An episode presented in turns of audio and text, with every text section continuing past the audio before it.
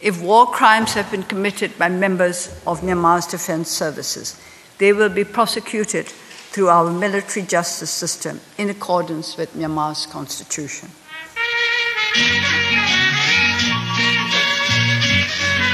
Du lyssnar på Asienpodden med mig Axel Kronholm och vi ska prata om försöken att hålla Myanmar ansvarigt för övergreppen på rohingya-folket.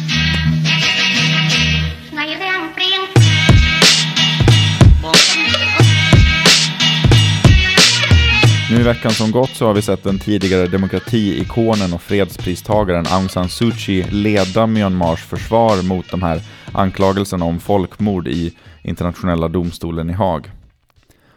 Och hennes gloria har ju varit på sned ett tag nu, men det var ändå en märklig känsla att se henne i den där situationen.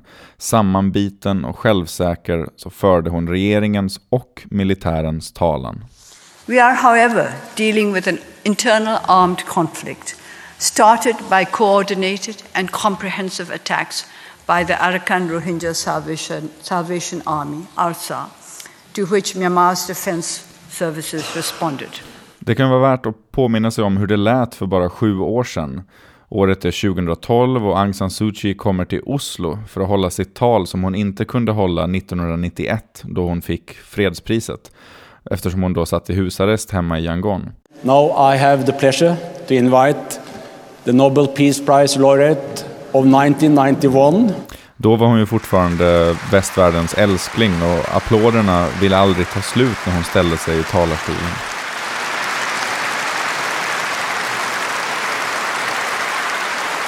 Då pratade hon om att Nobelpriset drog henne ut från isoleringen i husarrest till en värld av andra människor och att priset återupprättade hennes grepp om verkligheten.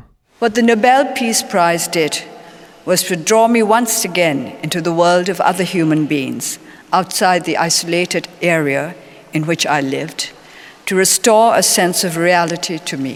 Och efter att ha hört henne tala nu i Haag så låter det verkligen som att hon än en gång har tappat greppet om verkligheten. Regrettably, the Gambia has placed before the court an incomplete and misleading factual picture of the situation in Rakhine State in Myanmar.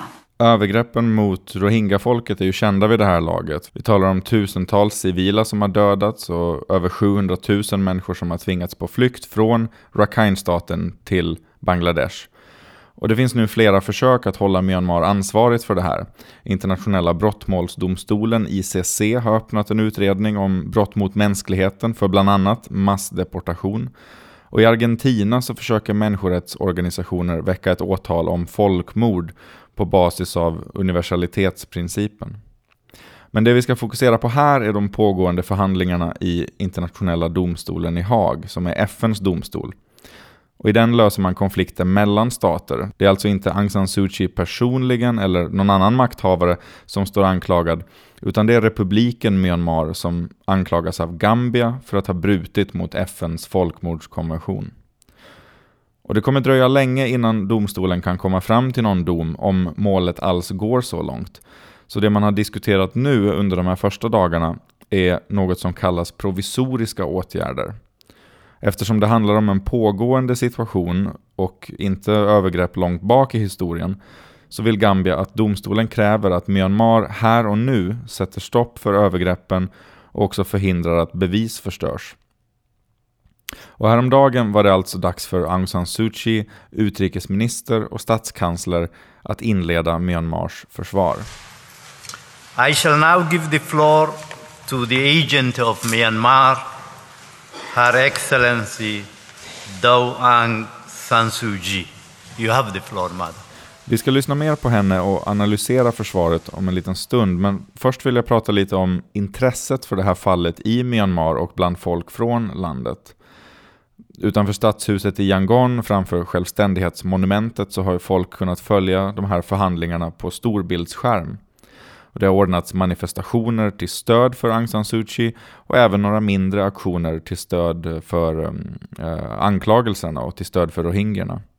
Och en del har till och med rest till Haag, några hela vägen från Myanmar, men framförallt från folk från diasporan i Europa. God morgon. God morgon. God morgon. Hur är läget? Ja, bra, tack. God morgon. Hur mår du? Jag mår bra tack. Jag har ringt upp Sa och Kila som bilade hela vägen ner till Nederländerna från Nässjö. 13 timmar enkel väg i bil. Bara för att kunna vara på plats när det händer. De tillhör Karen-folket och flydde Burma på 90-talet. Och de berättar att de ville resa ner till Haag för att visa sitt stöd för de som förtrycks idag.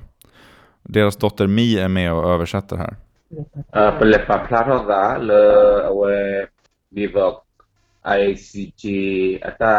Vi var där och demonstrerade och eh, vi ville eh, visa till ICT att vi stödjer de som eh, drabbas. De förklarar att det här fallet är symboliskt viktigt för alla minoriteter i Myanmar som har fått känna på militärens övergrepp. När de själva tvingades fly landet i slutet av 90-talet så eh, var det inte alls samma mediebevakning som det är nu kring rohingyerna. Så utöver att de tycker att det är viktigt att eh, rohingyerna får upprättelse så är det också viktigt bara att eh, för folk att förstå hur den här militären agerar och har agerat också förr i tiden. Eftersom uh, vad regeringen eller militären har gjort mot folket, jag har själv upplevt, jag har hört och jag har sett. Vi vet hur vi känner att bli förtryckta. Mm. Vi tror, vi vill att uh, i fortsättning så blir det mer frihet i Burma och att uh, genom att sanningen får komma fram. The situation in Rakhine is complex and not easy to fathom. But one thing surely touches all of us equally the sufferings of the many innocent people whose lives were torn apart as a consequence of the armed conflicts of 2016 and 2017 det hon försöker göra är liksom presentera det som det här är en väpnad konflikt. Det här är Martin Gemsell, Asienchef på Civil Rights Defenders, som bland annat stöttar människorättsförsvarare i Myanmar. Det var en militär respons på det och det var väldigt tråkigt att folk flydde som konsekvens. Men det är för långt att säga att det här var folkmord. Och för man kan göra det också så måste man låta burmesiska rättvisan ha sin gång. Och kommer inte här i rika länder och underminerar den.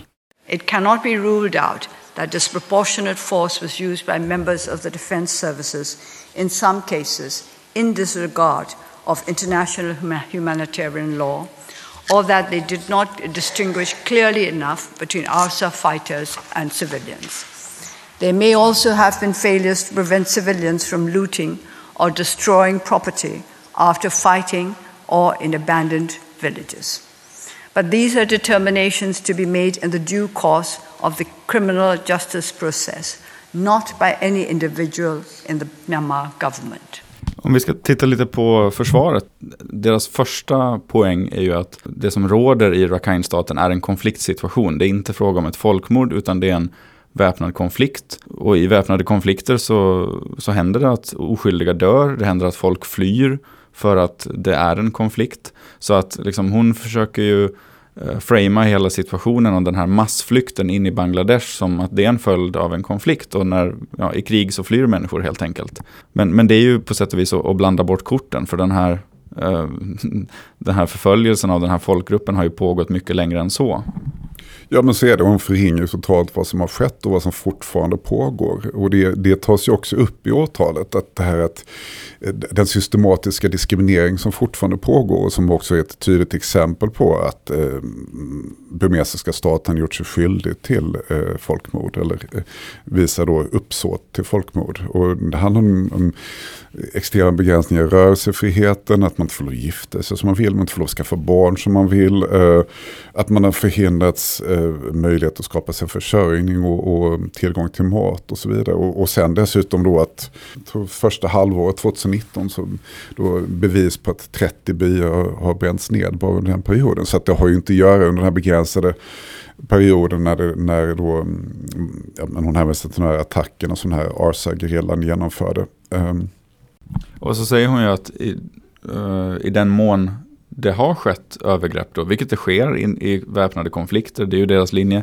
så kommer man att hantera dem i Myanmar, i deras egna domstolar. Hon nämner ju några exempel på eh, soldater som har åtalats och, och sådär. Några soldater i Kachin, i Mansi som har dömts till tio års fängelse. Och det, det blir ju lite skrattretande när man följer de här konflikterna och vet hur sällsynt det är att någon åtalas.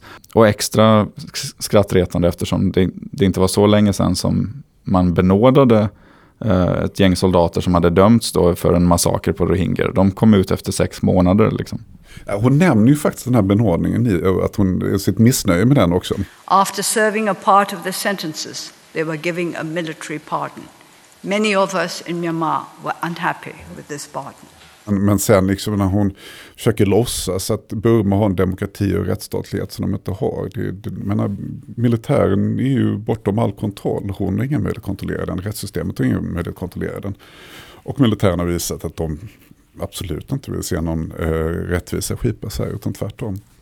Efter Aung San Suu Kyi så talade ju en av advokaterna som de har anlitat, han är William Shabes, som är internationellt eh, ganska erkänd och erfaren folkmordsadvokat. Han har jobbat med undersökningskommissioner i Sudan och Rwanda och bland annat. Han har också använts av Lundin Petroleum i deras försök att slippa åtal här i Sverige då.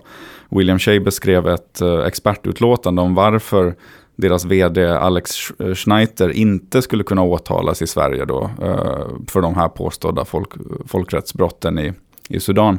Um, så ja, det, han har ju ett intressant CV på det sättet. Um, och han representerar ju en ganska konservativ syn på folkmord i den här liksom, juridiska debatten som finns. Um, han, han återkommer ju hela tiden till det här att för att något ska klassas som folkmord så kan det inte finnas några andra förklaringar till händelserna. Så han menar ju att till exempel då att man har begränsat tillgången på mat för rohingyer. Det skulle ju också kunna vara gjort i syfte att driva dem på flykt. Uh, inte att, att uh, förgöra gruppen. Det är ju också ett brott förstås. Det är ett brott mot mänskligheten att tvinga folk på massflykt. Men det är inte per definition folkmord, vilket är det som man testar i den här domstolen. Um, och det är det som Gambia måste bevisa, att Myanmar har haft det här specifika syftet, uh, folkmord. Och jag vet inte, när jag, jag är inte någon eh, liksom, expert på internationell rätt, men när jag hörde honom så, så blev jag ändå lite orolig, eller det kändes som att um, det kanske inte är så enkelt som man tror att bevisa just det här specifika syftet i Myanmars handlingar. Eller vad, vad tror du om, om um, möjligheterna där? Jag har svårt att föreställa mig eh, något fall som är så extremt väldokumenterat så kort efter att det inträffat tidigare i historien.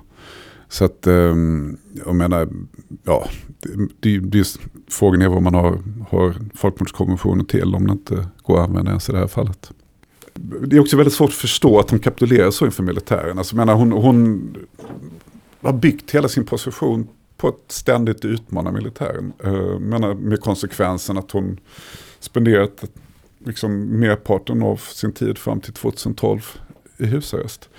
Eh, och därifrån till att nu totalt lägga sig platt inför militären. Och, och jag, jag, tror att hon är väldigt rädd. Jag tror att hon är väldigt rädd. Och att um, alltså konstitutionen är utformad så att hon inte skulle kunna ha en roll som vald politiker. Men hon tog, den sista fighten hon tog militären, det var att hon skulle får bli en så kallad state counselor, alltså någon slags ja, statsminister.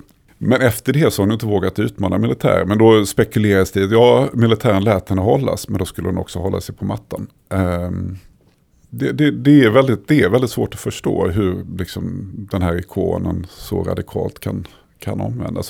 Det är klart att det är väldigt sorgligt, men eh, jag har själv träffat henne och hon är liksom extremt hon är karismatisk, man blir väldigt fångad av henne. Och, eh, man har uttryckt väldigt mycket kloka saker genom åren. Som hon nu, i princip är det jag som totalt har svikit. Och det är klart att det är, det är ju emotionellt. Det är, eh, se en ikon falla i kras.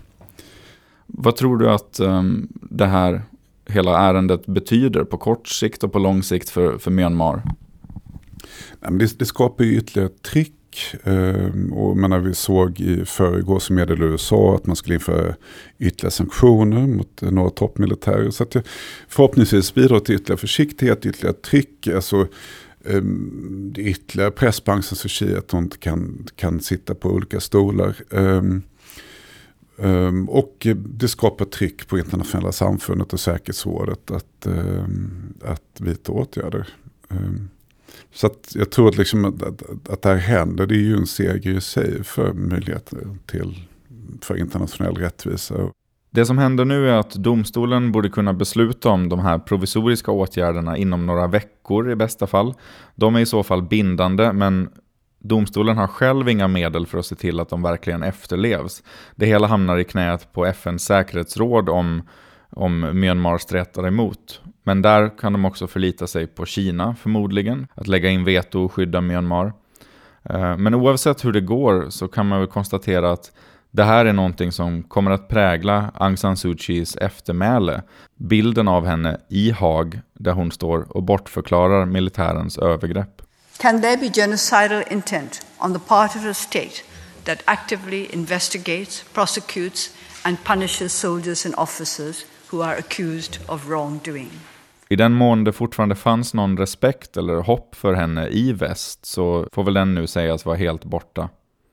Advokaten och MR-aktivisten Wei Wei Nu påpekade att förr eller senare så kommer även folket i Myanmar att inse vad som har hänt. Och då kommer de att klandra Aung San Suu Kyi. Så även om hon på kort sikt har en del att vinna i den inhemska opinionen, särskilt inför valet i november 2020, så kanske det på lång sikt är någonting som kommer att skada hennes eftermäle även i Myanmar. Men helt säkert är i alla fall att det just nu, i den där rättssalen i Haag, har skrivits historia. Precis som det gjorde 2012 när Aung San Suu Kyi talade i Oslos rådhus. På slutet i talet sa hon att hennes Nobelpris har dragit världens uppmärksamhet till kampen för demokrati och mänskliga rättigheter i Burma. The Nobel Prize had drawn the attention of the world to the struggle for democracy and human rights in Burma. We were not going to be forgotten. Vi skulle inte glömmas bort, sa hon.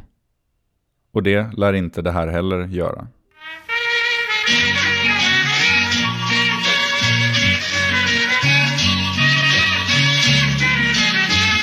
Tack för att du lyssnat på Asienpodden. Jag heter Axel Kronholm.